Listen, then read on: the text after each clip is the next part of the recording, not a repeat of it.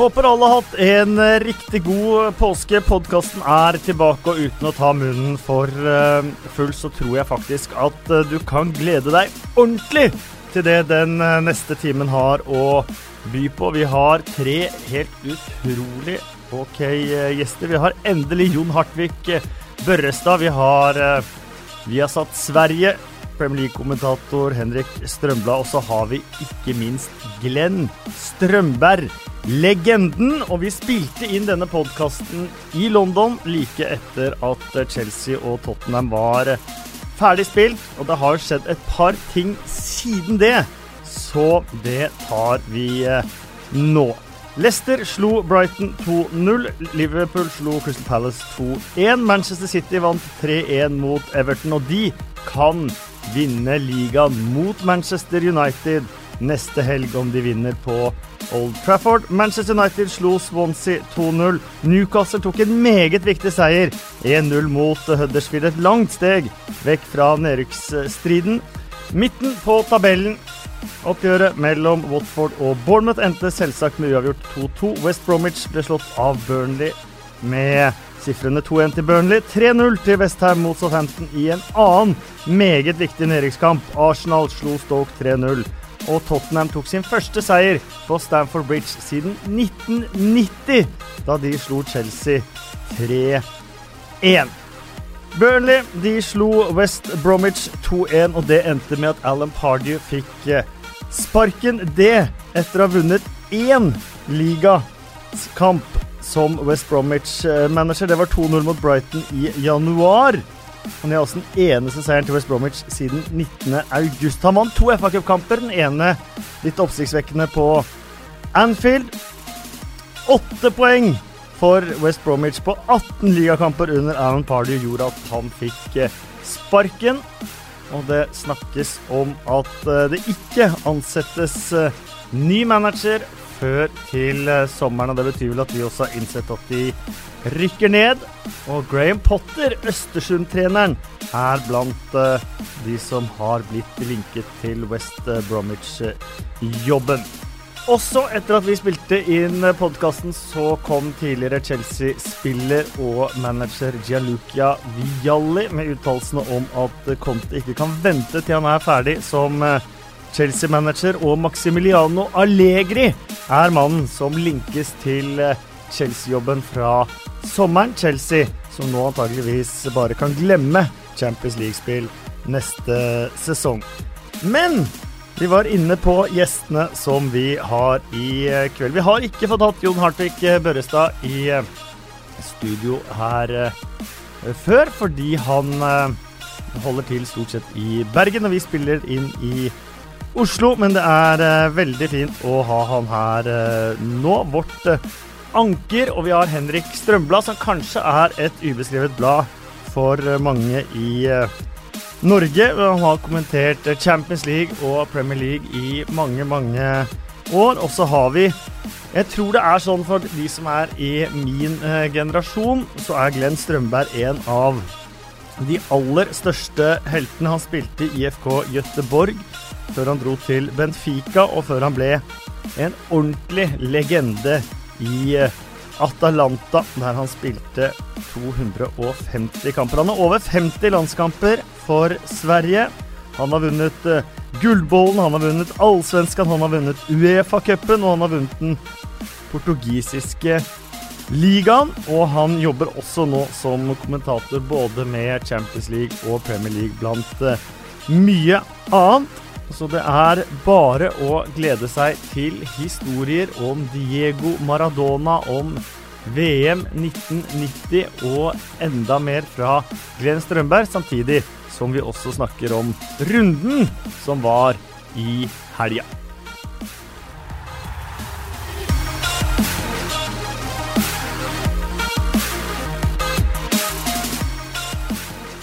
Velkommen skal du være, Jon Hartvig Børrestad, til din debut på Premier League-podkasten. Det er deilig. Det er herlig. Tusen takk. Premier League-kommentator for Viasat i Sverige, Henrik Strømblad. Tackar för det. 11 Champions League-finaler som kommentator, slår du det? Uh, nei. Svaret nei. Ja, én FA Cup-finale. Men vi har en som har spilt VM, og som har eh, spilt av Diego Maradona. Glenn Strömberg, välkommen! Ja, god kväll, god kväll på er. Jag har spelat 12 Champions League-finaler också. Även om han har kommenterat 11 så har jag spelat 12. Det är inte dåligt. Oj, oj, oj. Vunnit Uefa-cupen. Det har jag däremot gjort. Jag ljög lite innan, men det har jag gjort. Eh, Vi eh, kommer nå egentlig rett fra Stamford Bridge. Eh, Kampen mellom eh, Chelsea og Tottenham den ferdig for eh, en god time siden. Eh, Glenn, hva sitter du igjen med? Eh, det man tänker på här då direkt det är ju att eh, de aldrig har slagit Chelsea borta, Tottenham. Eh, det jag tänker på ännu mer det är väl att det är två fantastiska prestationer, så det som man älskar att se på en fotbollsplan, som avgör den här matchen. Dels var det då skottet från eh, Christian Eriksen i första halvlek som var ett sånt där skott som är så svårt att göra och man får vara eh, en viss typ av spelare och klara av att göra det. Och han gjorde det på ett sånt där fantastiskt sätt så man riktigt får en magkänsla och man känner att håret reser sig på en när man sitter där och kommenterar. Eh, det gjorde att de fick lite mod och lite tro på sig själva Tottenham. Och sen kommer det här målet som egentligen avgör matchen, då, 2-1 i andra halvlek. En långboll från Dyer som är jättebra slagen. Men det som händer sen på 2-3 sekunder, det är ännu bättre.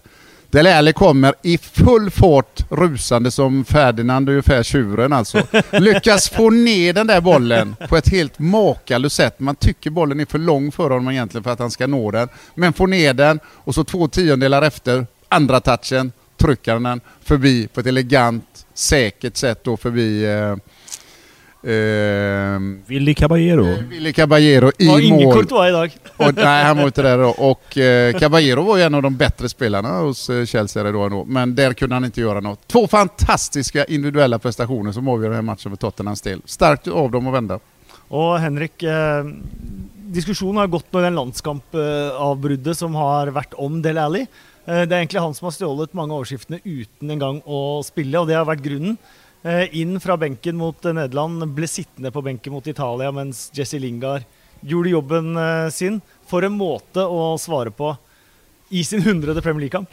Det kan man säga verkligen och det är ju mycket snack kring just Dele Alli i England och nu när VM kommer upp. Och han, är ju, en- han har ju fantastiska egenskaper men, men samtidigt så är han väl lite för ojämn och han levererar ju inte på topp hela tiden. Men, men idag plockade han ju fram det här verkligen. och Just det där som Glenn sa, det målet. Sen håller han sig framme med det där målet som avgör kampen också. Och gav sig inte där utan han ville verkligen få in bollen över mållinjen. Då. Så att, eh, en, eh, en bra söndag för Ali.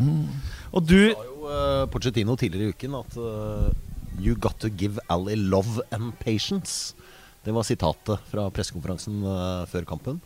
Og det er jo akkurat det han har eh, gjort. For eh, som du sier, Henrik, så har han jo vært opp og ned. Men eh, han har stått ved Dele i Pochettino, gitt han eh, tillit hele veien. Og idag, i dag på da i sin hundrede Premier League-kamp å å levere på den måten, det, det var fantastisk. Och Og du så også når han skårte, jeg tror det var en statement. Han ville si noe til folk.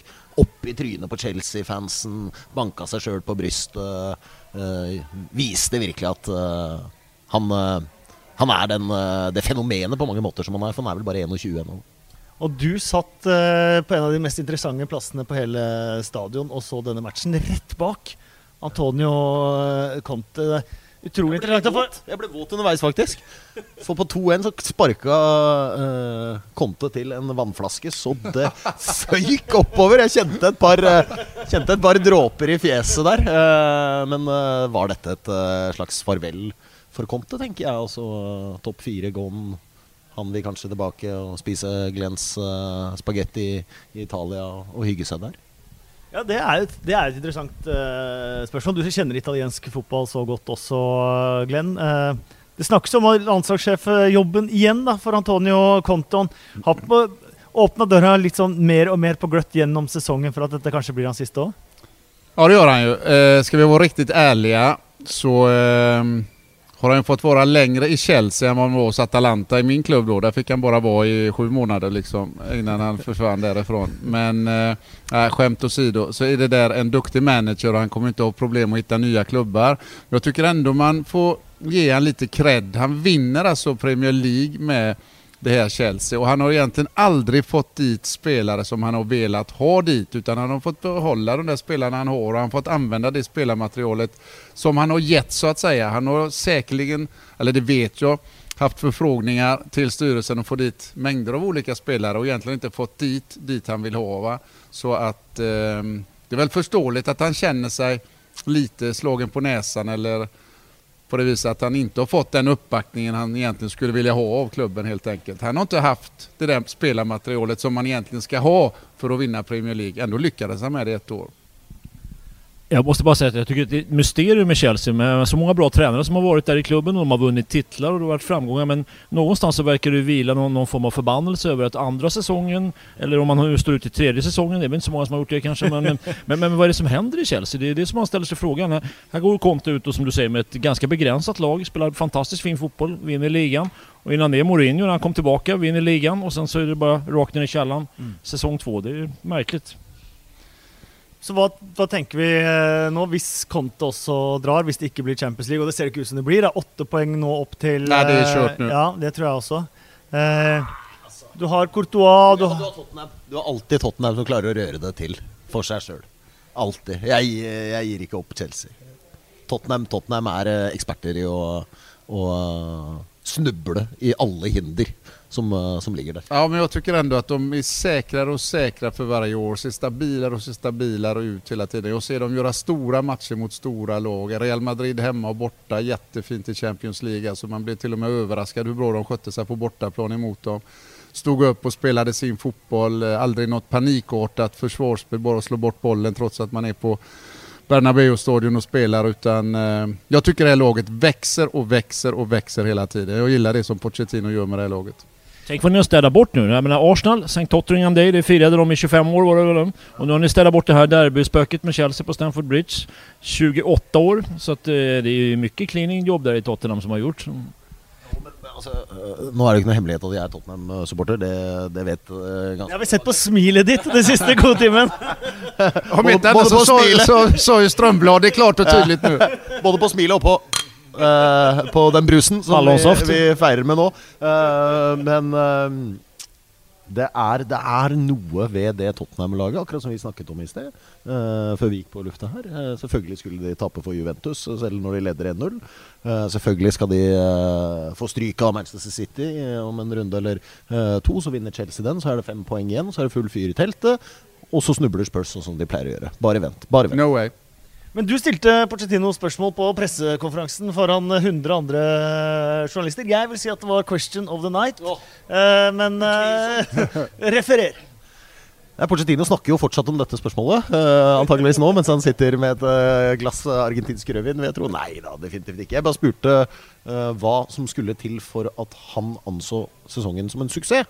Og da svarte han veldig Eh, snirklete eh, på en eh, måte, men topp fire og har vært målet hele tiden. Og hvis de da appåtil kan vinne FA-cupen, så ville det vel vært fantastisk. Så det, det, var ikke så mye svar å få, egentlig. Da. Men, men det er jo litt interessant. Hva, hva, må til for at det skal være en, en uh, suksesssesong for Tottenham? Jeg vet ikke.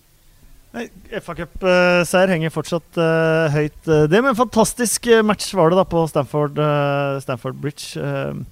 28 år, da var du fortsatt uh, aktiv uh, i aller høyeste grad, uh, Glenn. Og det er ikke alle som er like gamle som oss, som kanskje husker alt du har gjort, så det må vi bitte litt gjennom. Og du skal vite at jeg har påpekt sånt det flere ganger, for det så til og med min kollega Strømblad her under standupen. Du, sist de var her og vant, da spilte Lineker her, det var på 90-tallet, og da spilte du, Strømblad. Ja, vi vet om det nå, det var et tag siden. er så gammel at han må gå på å, bare for å Det var snørning utenpå bollen på hans tid.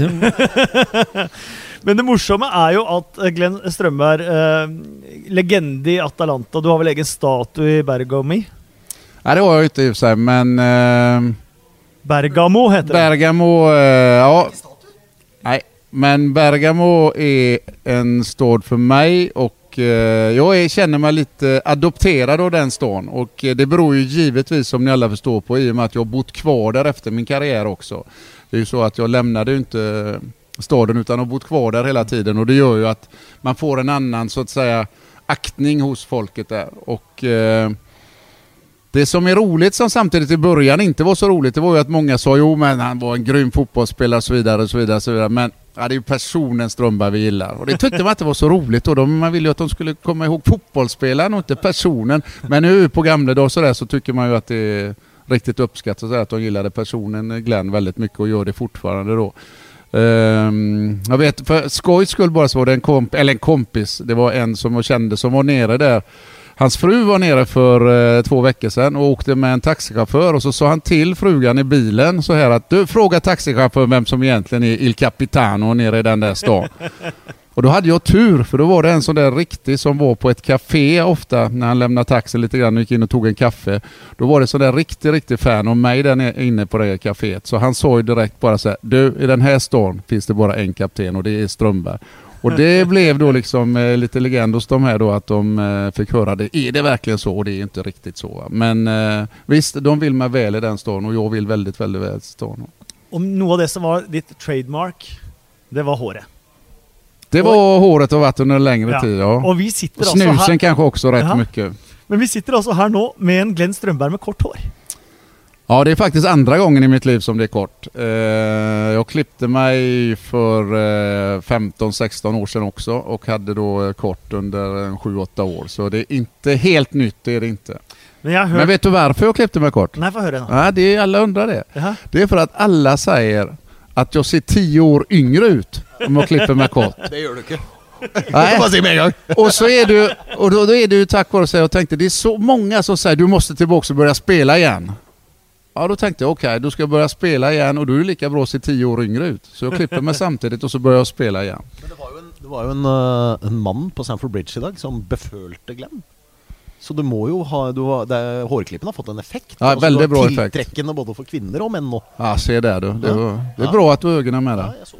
Men det var ju eh, en gång du kunde skrivit under för eh, Juventus, stämmer det? Eh, hvor håret blev en faktor. Ja, det är faktiskt sanning i det hela. Så jag trodde först det var ett skämt för det var Boniperti som då, eh, gamle legendaren, dels som spelare och sen som ledare då i eh, Juventus. Under Agnelli-tiden, eller Agnelli, de är ju fortfarande där men så att säga, eh, pappan Agnelli där höll i det så att säga och eh, då kom han fram efter en match och så sa han eh, att eh, herr Strömberg, lovande och fin spelare, gillar karaktären och eh, vi har alltid gillat skandinaver, de har en viss rätt attityd till den här fotbollen vi har här inne, vilket man kan lita på skandinaver. Ja, vad trevligt tyckte jag och så vidare. Så vidare. Och du har bra talang och eh, gillar din spelstil och så vidare. Så vidare, så vidare. Ja, okay. Och eh, vi har ju bra relation med Atalanta. Det var väldigt många Atalanta-spelare som har gått dit. Cabrini har gått dit, eh, Chiré har gått från Atalanta och dit. Och det var en eh, lång tradition av Atalanta-spelare som med unga år då drog iväg till Juventus som nästa kliv i karriären. Och eh, då sa han att vi kommer ögonen öppna här på dig och vi är jätteintresserade och jag blir jättestolt och så vidare. Så sa han sen på slutet, men eh, du vet då att eh, om vi bestämmer oss för det och du också bestämmer dig för det så måste du klippa dig. Ja, jag tittade på honom lite grann. Ja, ja, jag och så skrattade jag lite. Jag tänkte det var ett skämt. Så, där. så tittade han på mig i ögonen och sa Nej, du måste alltså klippa dig då. Ja, ja, så, jag, och så tänkte jag, så gick jag därifrån och så tänkte jag, kan det vara sant? Kan det inte vara sant? Så frågade jag lite spelare i laget och så frågade jag ledaren i laget och så frågade jag lite presidenten i vårt lag. Är det sant det? Om man, ja, ja. Ska du dit så får du klippa dig. Så Då blir det inte. Nej, det blev inte. Det berodde nog inte på det i och för sig. Men det hade jag varit tvungen att göra. Vi var innom 1990. Det är ju eh, kanske mitt favoritt-VM. Italien 1990. Det är nog antageligvis inte ditt eh, favoritt-VM, även om det sannsynligvis var stort att spela i ett eh, VM. Det blev 1-2, 1-2, 1-2 för Sverige. Mm. Eh, du skårade ju ett mål mot eh, Skottland. Eh, med kommentering också, legendarisk eh, kommentering där också. Eh, när du tar med dig ballen mot mitten, för den skåringen mot Skottland gav dere ett hopp för Costa Rica-kampen, som var den sista kampen. Men för den turneringen så var du på presskonferens med Olle Nordin. Ja, ja, det kommer jag ihåg. Ja. Han var känd för sin mustasch. ja, Olle Nordin var då tränaren till Sverige i VM i 1990.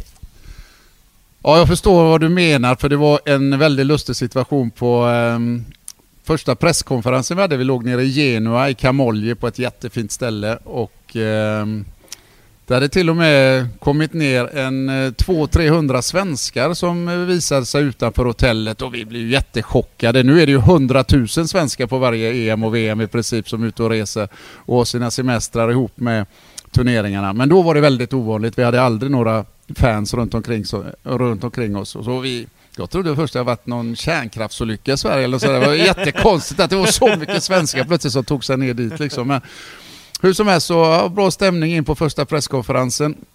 Och så är ju alltid italienarna sådär lite underfundiga, va? lite sådär eh, småstickiga vill de vara, va? vill sätta liksom kniven lite i sidan på ett smart sätt. Va? Så att Olle då, han eh, är ju lite sådär eh, bask, eh, vill ha det rakt och ärligt och inga konstigheter och man ska säga det rakt ut vad man tycker och inte hålla på och gå så vägar runt omkring och så vidare.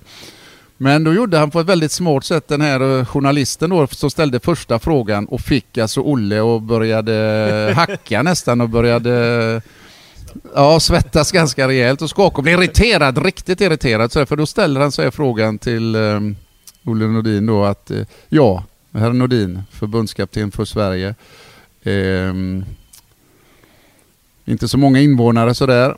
Uh, ute i det här stora VMet och det måste kännas väldigt, väldigt, väldigt eh, tungt och en hård press för dig som förbundskapten för ett lag som är favoriter till att vinna VM-titeln. Och favoriter, han undrade vad han sa liksom. Vad säger han och tittar runt omkring på sina medarbetare. Tittade på mig liksom. Var, var det rätt engelska han sa det? Frågade han på italienska vad han sa. Och så frågade jag på italienska och sa han till mig. Jo, exakt den frågan som du säger. Det var den jag ställde. Att ni är favoriter till VM. Och då säger han ju argt till honom då, då får du faktiskt förklara vad du menar med det, för det där är absurt. Så det kan du inte hålla på och snacka. Det ut nästan vid presskonferensen med det. Och då säger han så här, jo jag kan svara på det, säger den italienska journalisten. Vi har sett Glenn Strömberg spela fotboll här i sex år och eh, han är kapten för sitt Atalanta och eh, vi har fattat att han ska sitta på bänken här hos er. Har ni då tio spelare som är bättre än Glenn Strömberg, då anser vi att ni är favoriter till VM-titeln. Så det var ett smart sätt att säga det på, men samtidigt så slog det ju helt, helt fel hos Olle då. Og nå er du eh, kommentator. Eh, Mitt inntrykk er at du kommenterer så å si alt at du er på reisefot nesten sju dager i uka. Du har Premier League, du har Champions League, du har svensk fotball, har du det? Nej, det var jag icke. Men du er rundt omkring og kommenterer, eh, kommenterer eh, Ja, nu är vi inne i den roligaste perioden, för nu är ju här på en eh, 12-13 dagar. Nu är det, var det alltså idag då Chelsea Tottenham eh, åker iväg mot eh, Turin imorgon. Så är det eh, tisdag Juventus Real Madrid och sen åker vi upp till Liverpool så kör vi Liverpool Manchester City och sen eh, är vi där två dagar och så kör vi på lördagen där då derbyt mellan Manchester City och Manchester United och sen eh, ligger vi kvar där två dagar för att sen kommer ju returen mellan Manchester City och Liverpool. Och sen dagen efter då drar vi ner till Madrid och så kör jag Real Madrid mot Juventus i returen. Och sen tillbaks upp i London och den, eh, på lördagen där då så blir det Tottenham igen mot Manchester City. Så det är en härlig period här nu på en eh, 11-12 dagar med sju matcher. Låter bättre än Allsvenskan, eller hur? Rätt bra matcher får vi säga. Og du henger med, Henrik, eh, så si hele veien. Eh, Det har vært en kamp til eh, som ble spilt på søndagen, Arsenal mot eh, Stoke. Ehm, Et Arsenal-lag som ikke eh, framsto eh, veldig bra, men som til slutt vinner 3-0 eh, likevel. Eh, kan ta eh, det siste først, han har sagt, og se Emirates så å si uten folk, eller halvfullt, eller glissent, eller hva man skal kalle det. Du som har vært i gamet her så lenge, hva slags kjensler väcker det i dig att- å, å se Arsenal i den författningen der? Det är ju tråkigt förstås, det är ju smärtsamt och eh, det är klart att eh, just den här debatten som är runt Wenger som har gjort så mycket för Arsenal och, och är så stor i, i många av fansens ögon. Och jag, jag menar, det, det är klart att vissa protesterar och säkert mot honom och mot klubben att de inte går dit och stannar hemma. Visst, ibland säger de att de är förklädda till röda plaststolar och kommer dit. Så att, eh, men Eh, Arsenal har ju hamnat i en situation som, som är svår, för, för de kan inte sparka Arsene Wenger, tycker jag. Det, det går inte. Och att övertyga honom om att han ska sluta då med ett år kvar på kontraktet, det är ju inte lätt heller, för Arsenal är hans liv. Det, är- det är ju, vad jag har förstått så, så, när han kommer hem från matchen så sätter han sig och tittar på matcher på DVD och allting. Så att, eh, Ja, det er sånn jeg også skjønte Eh. Och eh, skulle man då göra Wenger till någon form av sportchef eller någon eh, typ av manager och så ta in en ny tränare, det skulle ju nästan bli en omöjlig situation för den tränaren. Det, det, så att det, det är tufft för Arsenal-ledningen eh, att ta beslut vad som händer. Och det som kan rädda honom det är ju förstås att vinna Europa League. Då, då går han ju segrande ur det hela med en Champions League-plats i potten. Eh, Pierre-Emerick Aubameyang skåra ett på straffe. Det var du glad for. Så skåra han ett til. Eh, Hvem hadde han på, som kaptein på Fantasy? det var meg. Jeg hadde han som eh, kaptein. Og det eh, siste er jo en fantastisk eh, gest han gjør. Men så for de som har han som kaptein på Fantasy, litt tyngre. Men vi får ta det til gesten at han kunne fått seg hat trick når de får en straffe til. Han gir straffen til Lacassette Ja. fordi Lacassette ikke har skåra så mye mål. Han ville gi kompisen sin en god følelse. Ja, det er jo fantastisk. Jeg, jeg så det ikke sjøl, for da var jeg på toalettet på Stamford eh, Bridge. Eh, det må man også eh, innimellom.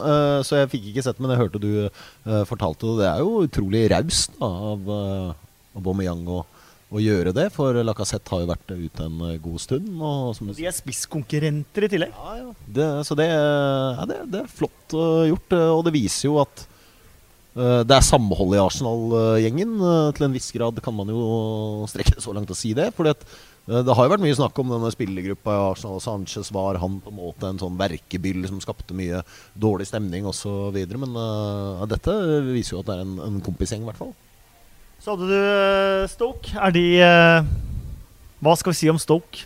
Er, det är mycket vind på arenan på deras hemmaplan. Det blåser in från alla håll och kanter. men nå er vinden kald. Ja, den är kall Ja. och den har alltid varit kall i och för sig, men de har ju värmt med sig spel de senaste åren och det har alltid god stämning på den här stadion så man åker ju gärna dit och ser på matcher.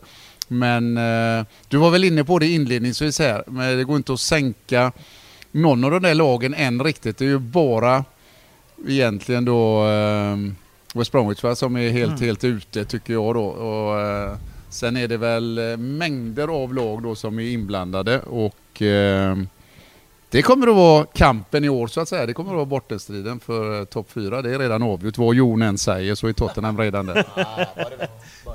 Det, det som är lite förvånande med Stoke tycker jag, det är ju ändå att det är en välorganiserad klubb. De har gott om pengar, de har en familjen coach där som lägger in mycket pengar och det, det känns ju liksom som att de har stabiliserat sig så att de har hamnat i den här svackan i... Ja, alla lag hamnar väl i svackor ibland men, men att West Bromwich är där, det förstår jag mer än att Stoke är där under strecket. Og I West Bromwich är det ju, Hvis vi eh, försvinner snabbt vidare till eh, West Bromwich tappade 1-2 hemma mot eh, Burnley. De hade sina chanser på slutet till att få poäng där också men där är det ju allt möjligt annat också med tanke på nya styrledare som kommer in och beskyller gamla styrledare för att ha brukt för mycket pengar och allt verkar å rakne, man har inte råd nästan till att sparka Alan Pardew akkurat når man må vente til nedrykket er et faktum i, i sommer, kan det nesten virke som. Var det inte så att West Bromwich ledning sa att vi kan inte sparka honom för vi kan inte hitta någonting som är bättre och det Nej. låter ju rätt tragiskt. Mm.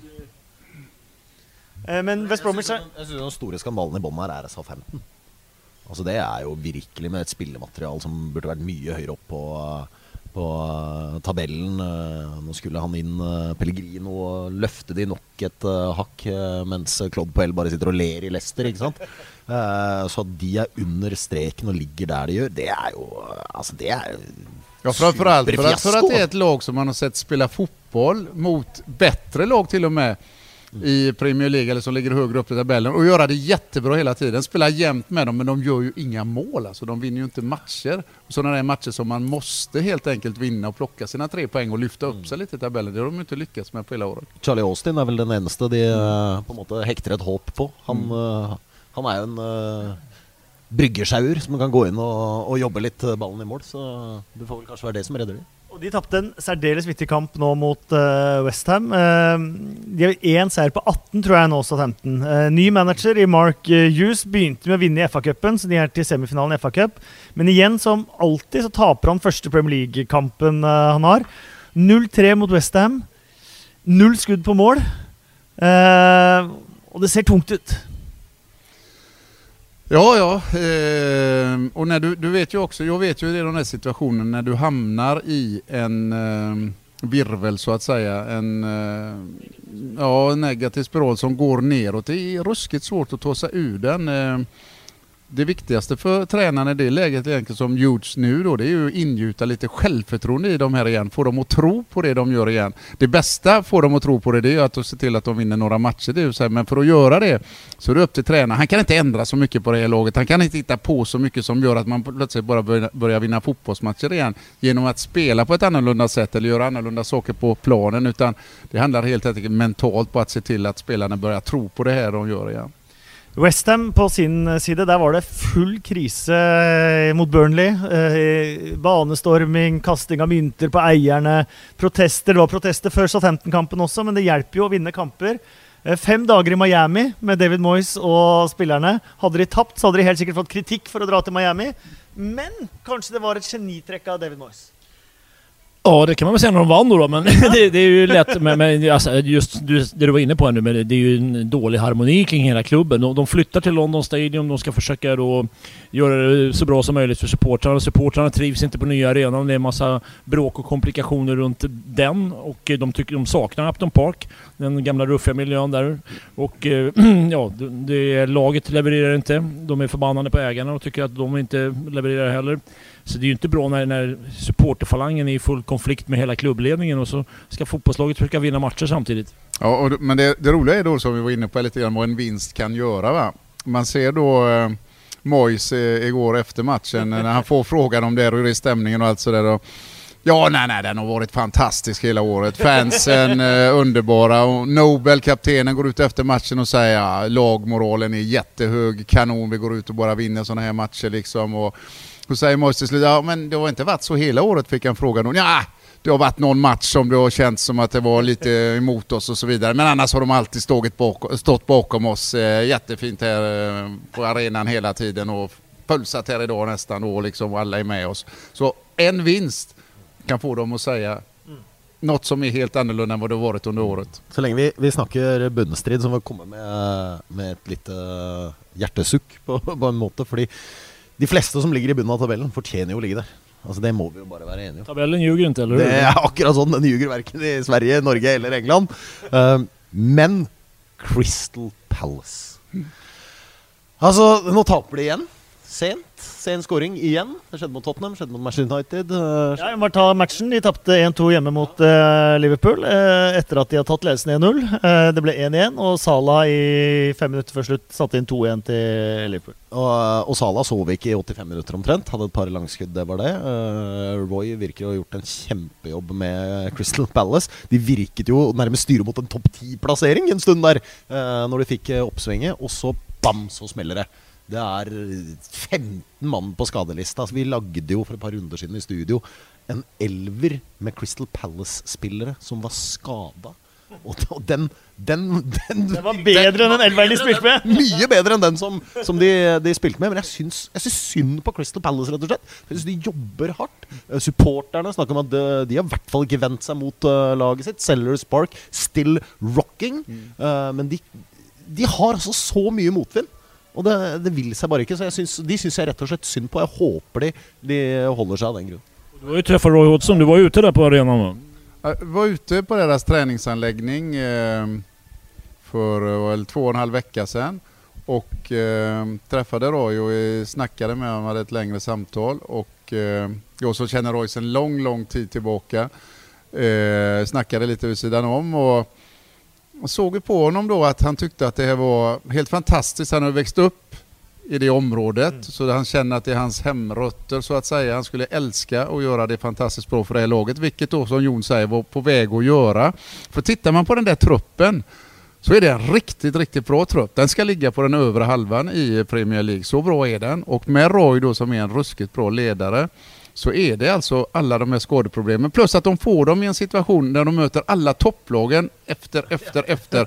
Och trots då så ser man på, så, men det måste vara svårt nu med det här alla de här då, ja vi får spela med lite juniorer där och så, och så möter ni topplagen och så vidare. Ja, det gör vi ju men ja, jag känner ändå att vi har chans mot de där lagen. Och det sa han ju rätt i, för det har de ju verkligen visat att de har haft. Va? Trots att de har mött med mängder av spelare på skadelistan så har de varit nära att plocka poäng och vinna till och med de här matcherna. Liksom, va? Så att, eh, Ja, Jon har helt rätt. Jag lider med eh, Crystal Palace och Roy Hodgson för de har hamnat i en situation som är jättesvår. Nu är programmet lite bättre här för dem. Får de bara tillbaka lite spelare här också så tror jag det löser sig för dem. Och kan Benteke också så mycket chanser som han får och så duktig som han är egentligen. Men han måste sätta lite fler va? Han måste sätta lite Er fler han va? virkelig dyktig? Jo, när det- Ingen han- tjuren Ferdinand, men fortsatt bare å Jo, lukte på han, blommorna. men han, altså. han får målchanser, han skapar för sina medspelare. Han har gjort liksom mycket mål under någon säsong här också då, även om det inte varit många. Annars kommer man ju inte heller upp till Liverpool och får chanser liksom och så vidare. Nej, han borde ju han borde alltså göra mer mål på sina chanser. Igår hade han ju framförallt två chanser. En verkligen som han verkligen bör sätta. Och man blir sådär frustrerad som tränare tror jag. Men samtidigt så ser du ju att alla de här tränarna under åren, förutom då kanske Liverpool på slutet, de vill ha honom på planen.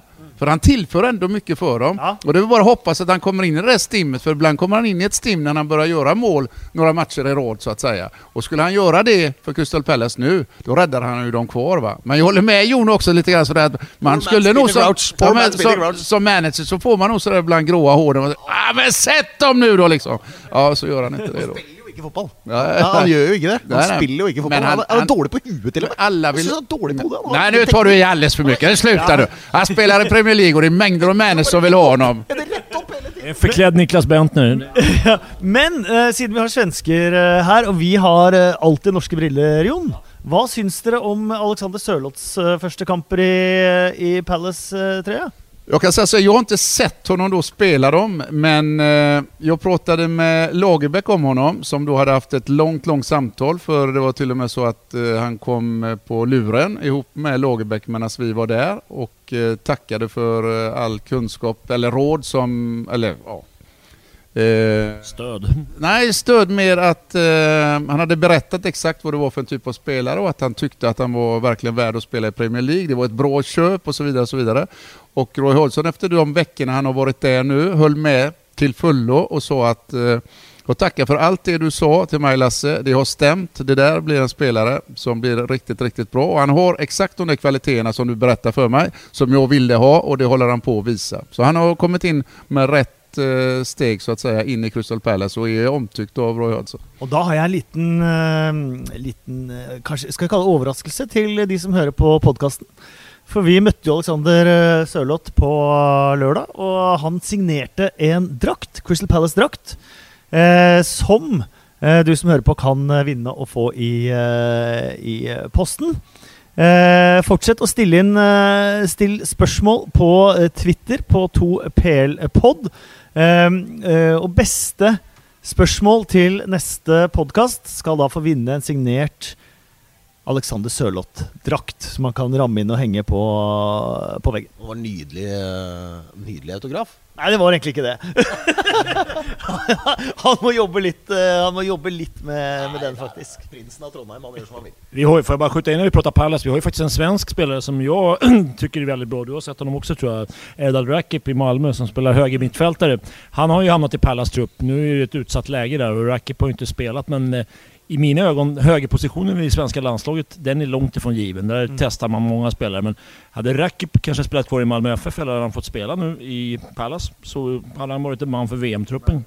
Vi pratade naturligtvis också om eh, Rakip med honom då i och med att vi var svenskar som var där så att säga och pratade även för svensk TV där då så att eh, han kom ju då från Benfica dit på, på lån liksom och precis kommit in i det och kommit in i en situation där det då är ganska tufft för Crystal Palace som ni förstår vad jag menar. Det finns inte så mycket utrymme för tester, det finns inte så mycket utrymme för att låta spelare få speltid utan här gäller det liksom att fightas och få med sig poäng. Men eh, han var också nöjd med det han hade sett av Rakip. Eh, en annen bunnkamp som kan vise seg å bli veldig, eh, veldig avgjørende til slutt. eh, Huddersfield de, de ligner litt på Norwich da de rykket ned i, for et par sesonger siden.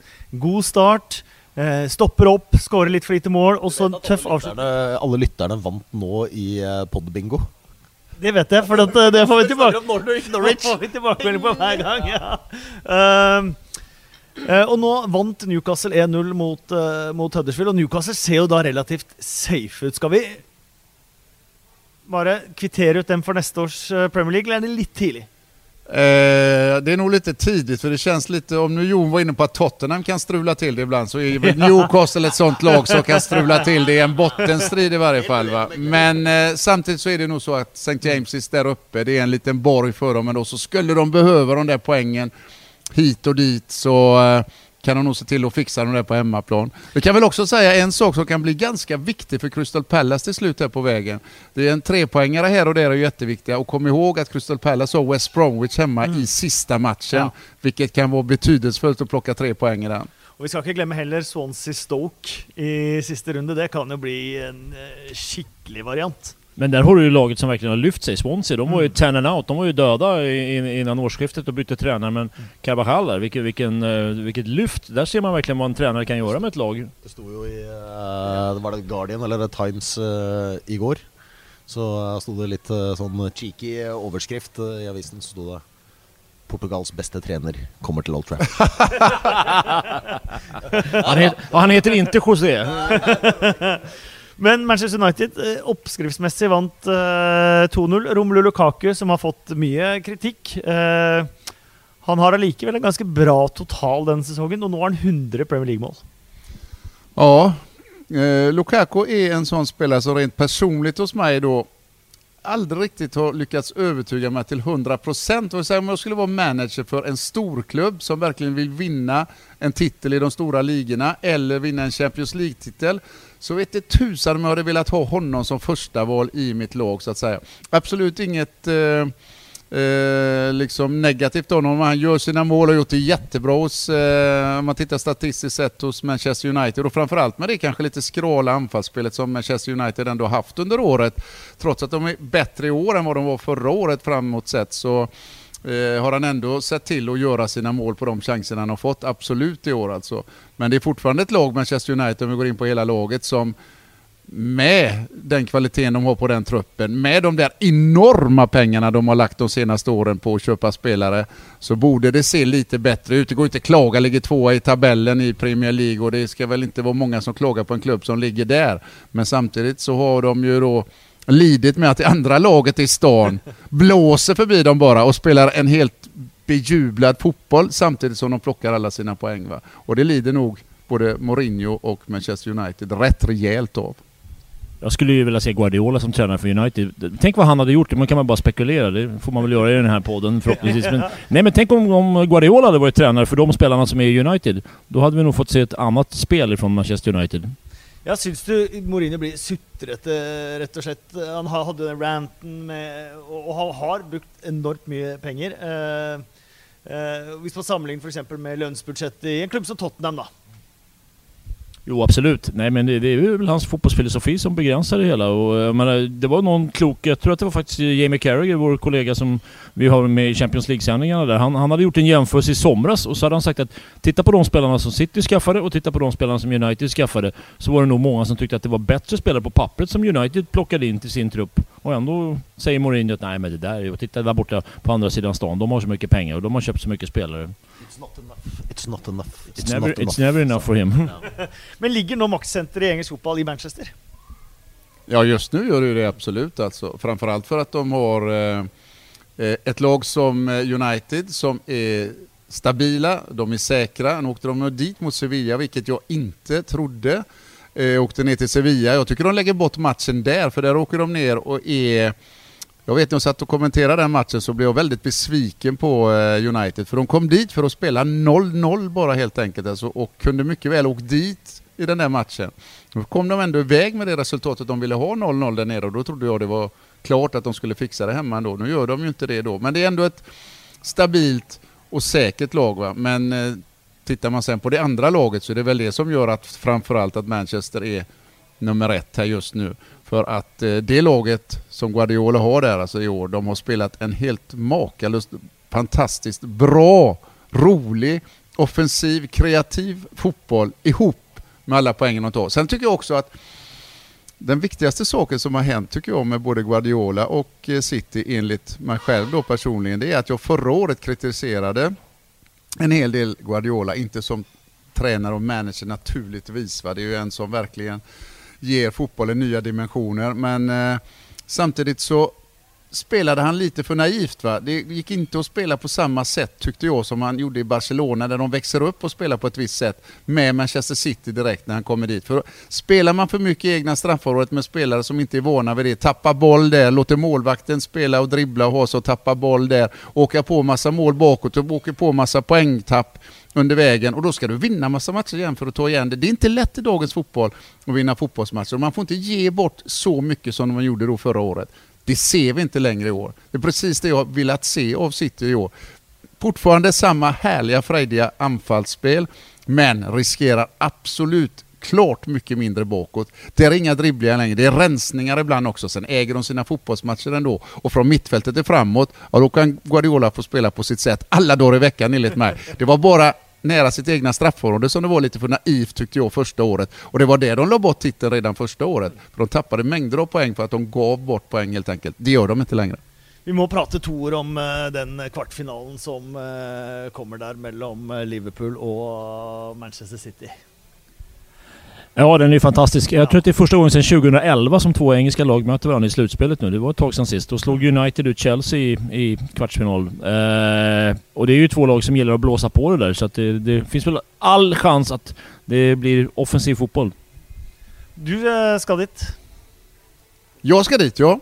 Eh, bara vi nog upp i tid. Det är lite krångliga flyg från Turin, men eh, vi hinner nog upp dit. Och eh, jag tycker det känns ändå som en sån där lite klurig match. Va? Det är, ja. är det ett lag som inte City vill möta i sådana där dueller på 180 minuter så är det nog Liverpool. För Liverpool har den där kvaliteten framåt som kan ställa till det rejält. Alltså Liverpool kan göra tre mål mot City. Liksom, va? De har en ruskig kapacitet där framåt. Samtidigt vet man ju att de kan vara lite grann inte spela så naivt som City gjorde förra året med att åka på mål bakåt, men de kan svaja rejält bakåt också, Liverpool. Det har vi sett dem göra under året och jag har sett dem ett flertal gånger under året. Ju. Så att eh, det är inget safe lock bakåt. Men skulle det stämma för Liverpool en dag så är det ett sånt där lag som har kapacitet framåt att verkligen göra det svårt för Manchester City. Alltså det är inget lag som man bara bemästrar hur som helst för den där kvaliteten framåt har de. Alltså de kan göra två, tre, fyra mål mot vilket lag som helst. Liverpool när det är rätt fart på dem, rätt dag. Vi snakka så vidt om det også, Jon. At begge de to kampene mellom de to lagene i ligaen var litt tilfeldig at de endte som de endte, begge to. Ja, på en måte var det jo det, for Liverpool hang jo veldig godt eh, med i eh, oppgjøret på eh, Etiad. Og så er det jo Mané-utvisningen som på en måte snur det veldig opp med på en måte. Og uh, 4-1 ble det vel på Anfield, uh, hvis jeg husker helt uh, 4-3 til og med. Unnskyld, 4-3, ja, for de kom tilbake der. Det var 4-1 og jeg gikk i intervjusonen, og så var det 4-3. Om vi kommer tillbaka till matchen sen, och bryter in direkt på nu om jag kommer ihåg något, för ibland glömmer jag av allting. Ja. Matchen som var borta som Liverpool gjorde mot City. Ja.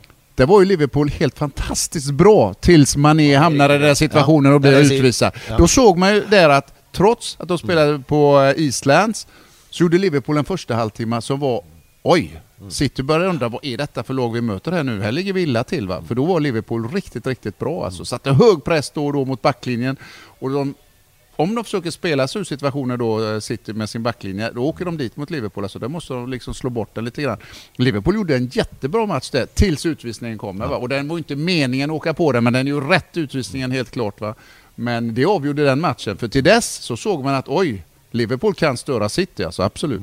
Men er City på sitt uh, toppnivå, eller helt i närheten av det, så, så menar jag de, de ska vinna och vara klara favoriter. Spelar de som igår, jag kommenterade den kampen mot Everton där, första halvlek, eh, Guardiola sa att det går inte att spela bättre. Han var ju lyrisk efter, det var ju fantastisk fotboll från City under första halvlek när de körde ner Everton totalt i skoblocken där, på Goodison Park dessutom. Jag vet att det fattades lite för Guardiola i den första halvleken. För jag tror det bara var 87-13 i bollinnehav och han vill ha 100-0! Det var 90-10 tag i andra halvlek. Ja, men det räcker inte. Han vill ha 100-0! Okej, okay, ja, it's never perfect.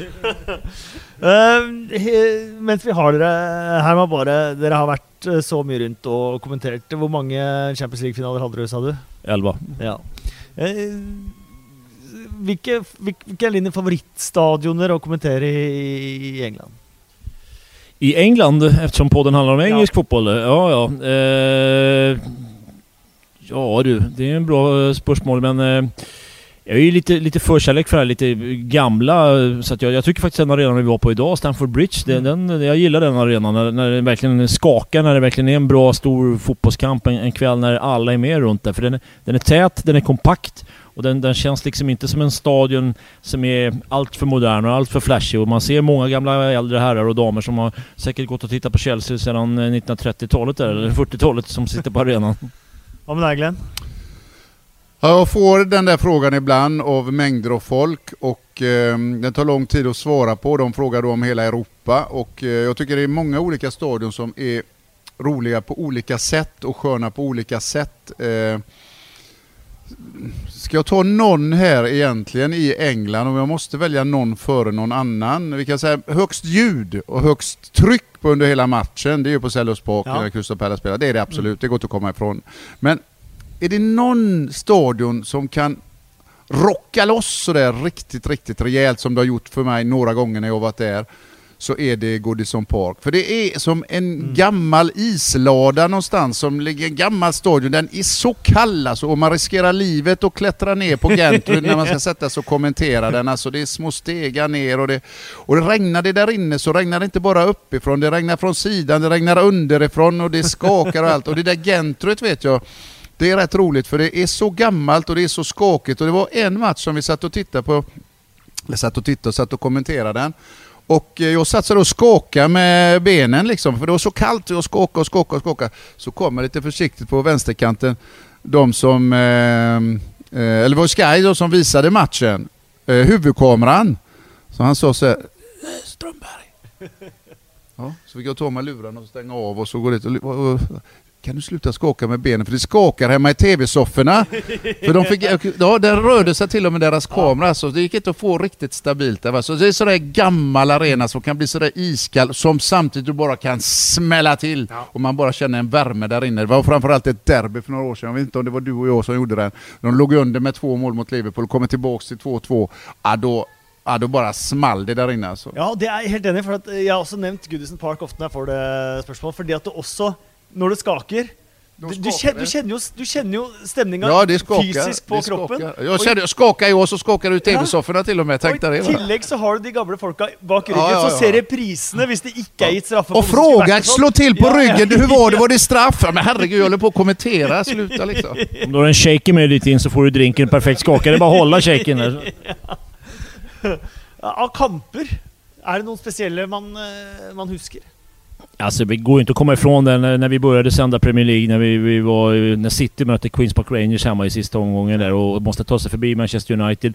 Och vi, vi, vi ser gamla damer som går därifrån när QPR leder matchen och City måste göra två mål på tilläggstid. Och de kommer in och kastar sig runt halsen på varandra och på oss och välter monitorer och allting. Och, ja, bara, det ska inte gå att vända en match som de gjorde där på slutet. Men, Nej, eh, och det berodde väl lite på att de fick reda på Queens Park Rangers också att de var klara till slut i 90 minuten där.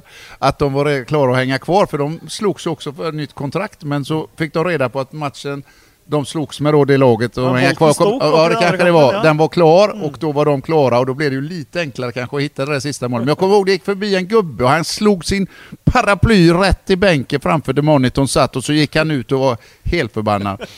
Och så helt plötsligt så hör han väl på vägen ut att det håller på att hända något. Så kommer han in och så står han in till med de sista tre minuterna och tittar på monitorn. Jag ville bara slå iväg han för han höll på att döda mig med paraplyt innan liksom. Va? Men då står han där och tittar och sen kramar han om mig efteråt när de då hade vunnit. Så, ja, det var, jag håller med dig, det var den upplevelsen jag har känt som starkast under de här åren jag har kommenterat. de har ju varit så nedtryckta där. Det var ju storebror de röda och de Ja. tänkte nu blir det så här igen. Nu kommer Manchester United att klara det här igen. Men nu gjorde ju inte Manchester United det. Nu fick ju United åka hem från Sunderland var det väl den kvällen tror jag. Och Ferguson sa till Där sina var jag. spelare... Ja, du var där ja. Och Ferguson sa väl till spelarna i bussen att glöm aldrig det här. Och sen året efter vann ju United ligan. Så att, eh, ja. Du hadde også en på Etiad sammen med Trevor Morley. Var det i, i fjor, Jon?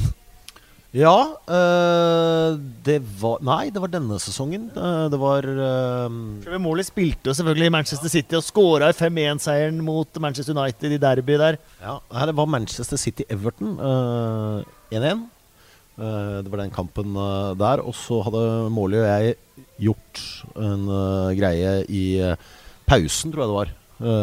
Vi kjørte en hel kamp bare fra arenaen da, og kjørte pausepraten også fra indre bane. Og når vi går tilbake, så roper det en gammel dame fra, fra tribunen uh, Can I have a picture, please? Can I have a picture, please? Og Morley skyver meg litt vekk og sier Yes, of course. Så svarer den gamle damen Sorry, not you. Ja, så det, det, kommer, eh, det kommer antakeligvis Molly aldri til å glemme. Sorry, sorry, Trev, hvis du hører på. Det var ikke meninga å dra opp det. Du, eh, Glenn og Henrik, det har vært fantastisk å ha dere med i, eh, i podkasten. Jeg lovte at dette skulle gå litt fortere enn det, det gjorde, men eh, når man har en god samtale Ja, framförallt uppkopplingen tog lite tid, men du får lära dig det i fortsättningen. Ja, eh, men eh, før, vi, før vi avslutter, så vil jeg ha eh, en historie eller to om dine møter med Diego Maradona. Oj, oj, oj. Eh, Det är svårt att förklara på en podcast, men eh, det absolut största som... eh, Nu får Henrik Strömblad höra det igen också. Jag har fått berätta det tusen gånger, för han säger alltid till när vi har folk runt omkring oss. Glenn berättade det där om Maradona. Favorithistoria. Ja. Nej, men det var en gång... ehm, eh, ja, säg att det var efter en tre fyra år jag hade varit där. Jag var kapten då för Atalanta och eh, värmde alltid upp en eh, 10-15 minuter före det övriga laget.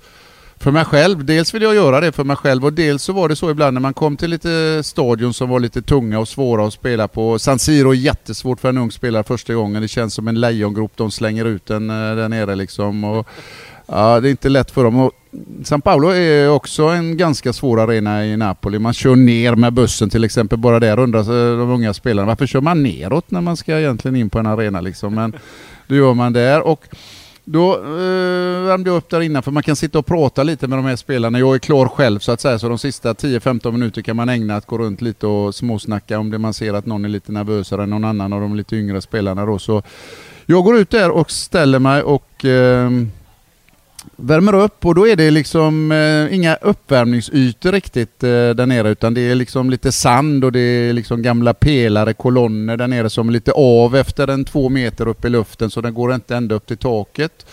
Och jag står där och småspringer, man kan inte springa mer än 15-20 meter, sen tar det slut liksom så man får göra små ryck bara och så står jag där lite och jonglerar och så kommer eh, Maradona då gående och säger hej hej. Och jag säger hej hej sådär och tittar inte mer så för man respekt men inte mer än så. Jag är ju kapten jag med liksom. Och så ställer han sig vid eh, den här pelaren. Jag vet det är jättesvårt att förklara men han drar den med en ytterskruv från marken så att säga, bollen i, på volley.